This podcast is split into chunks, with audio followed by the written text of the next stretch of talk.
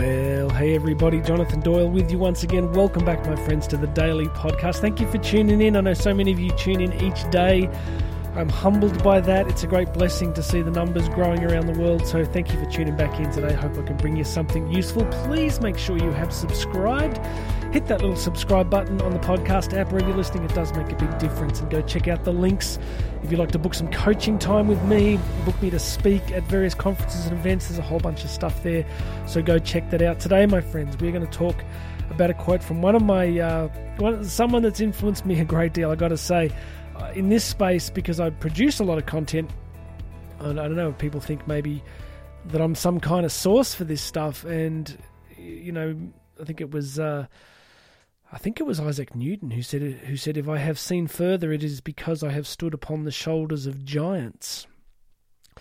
So, so much of what I get to share with you guys has been through years of listening and reading some of the great men and women that uh, have forged a path of growth, personal development, mental toughness, resilience, stoicism, all the kind of things that uh, get me up in the morning. I want to share with you today a great quote from David Goggins. I'm a massive fan.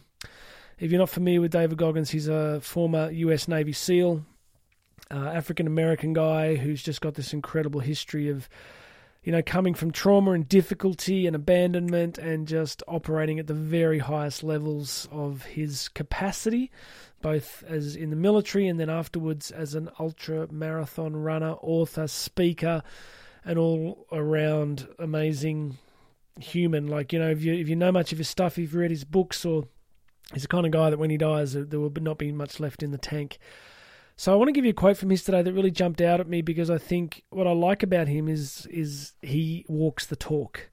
He really does. He's somebody who lives the messages that he shares. So let me give you this quote today and let's unpack it together a little bit. He says this Most of us are not defeated in one decisive battle. We are defeated one tiny, insignificant surrender at a time that chips away at who we should really be. Most of us are not defeated in one decisive battle. We are defeated one tiny, insignificant surrender at a time that chips away at who we really should be.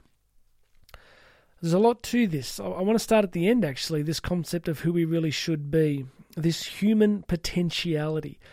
All of us are born with remarkable human potential. We are human becomings, not human beings as such.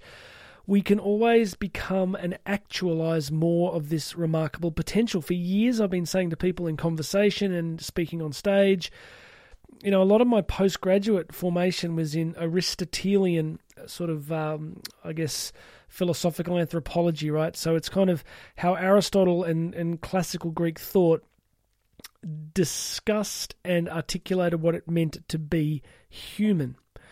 You know, why would they bother, right? Well, before that time, before the Greeks really, most of human civilization up to that point was about nothing more than survival. It was really about nothing more than food and not getting killed by other people and reproduction, right? So those basic human things food, survival, reproduction. And it's really in classical Greece that we begin to see the first societies as such that had enough stability and safety that a certain group of people had time to actually think, to really think about the nature of existence itself. Because before that, it was just like, you know, you can imagine a tribe, but one guy's like, "Hey, I don't, I don't, I don't want to fight. I just want to think about the nature of existence." And they're like, "Sorry, that's not going to happen. Pick up this spear. Hurry up." So Aristotle, of course, and the Greeks had this first. You know, there, were, there, were, there was philosophy before them, but the, the really around I guess around 500 BC, a bit earlier, we get the first philosophical schools. And, and the Greeks had this idea of what they called eudaimonia. They believed that each of us carried inside of ourselves something called a daemon. I always say to people, it's not a demon, a daemon. And a daemon was kind of like source code, it was like software code inside us that was kind of like the blueprint of what we could achieve. Now, it'd be different for all of us, right? So all of us had different abilities and capacities, and God just created all of us differently. But this code was kind of like that if we fully lived, if we really lived to up to our potential, then that code would be fully actualized and made manifest in the world. So they began to realize that the way we do that is through our conscious choices and our actions, right? So the classic, of course, for Aristotle was when they asked him, you know, was the courageous person born courageous or how did they become courageous? Because the Greeks were interested in whether people were just born with innate abilities or whether they sort of changed over time. And in a strange way, it's kind of both, right? Because Aristotle would say, well, the capacity is always there, but the way that it comes out is by doing particular things, by acting in congruence with those capacities inside us. So what you get, and that's why I started at the end of this quote, where Goggins, David Goggins says it's about you know chip, chipping away at who we really should be. So let's start from there. Let's start from this truth that within you is this remarkable capacity of all that you can be, of all of who you are, and it's there. And then he goes, he starts by saying that most of us are not defeated in one decisive battle. That's true, right? Like we all have setbacks, we all have difficult times, we all have seasons where things are just hard and bleak, and it's like, you know, it's just a really hard time. But nobody in life tends to be, it's pretty rare that people are truly, utterly, completely crushed by one single event. You know, I've known people that have been through the most awful, tragic events, the loss of children, you know, and their life is forever changed. But, you know, I definitely know people who've been through things as severe as that and have still found a way to come back in life, to still find joy, to still have relationships, to still find meaning. Now, it doesn't mean that their life isn't changed because it is. But do you see what I mean? That even with those terrible losses, no one is, it's rare that people are utterly wiped out for life. So, what Goggins is saying here is that what actually happens is that our defeat in life comes from a whole bunch of almost incremental, insignificant surrenders. And then he says these insignificant surrenders chip away at who we really should be. So I guess this comes down to questions around character and virtue and decision making, right? That we are actually shaping our futures, shaping our destinies, shaping our outcomes, not rarely in one great moment, but in a whole bunch of smaller ones. So, for better or worse, we're either growing or going backwards based on these tiny little moments. I mean, I can remember, you know, the first time I did a live event with 10,000 people, right? It was really cool and it was just a mega event but that that moment, yeah, changed me and it was memorable. But my entire life wasn't shaped by that one experience. There's been so many other experiences and daily experiences that are no doubt shaping me more. So what I want you to start thinking about is where are the surrender points in your life at the moment? Where are these seemingly insignificant surrender points that may be really shaping your long term future and who you could become? You know, obvious examples could be something like how we eat, right? Like, it's not one single cookie that destroys your health and well being. It's not.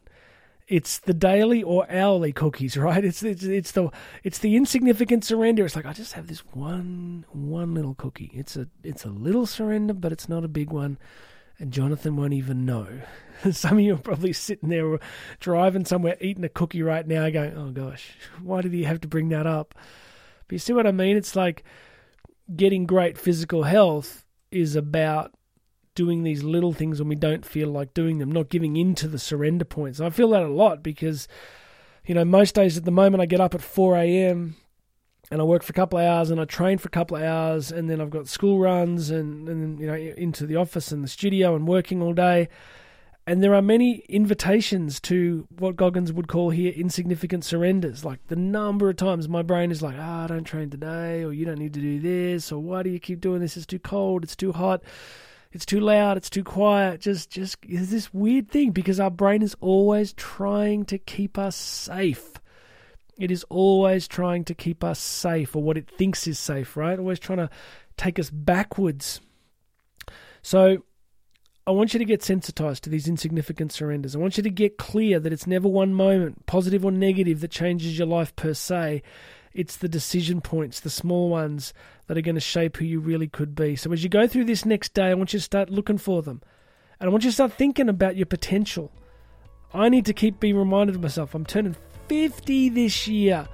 And as I said in a recent episode, for the first time, I'm like, man, 50? Like, what is that? How did that happen? So I'm aware that my time to pursue my potential is not indefinite. It's the first time in my life I've really gone, oh, hang on. You're not, uh, this ain't Kansas anymore, Dorothy. You're not 20. it's like, you better straighten up. You better, better get on with what it is you're trying to do here.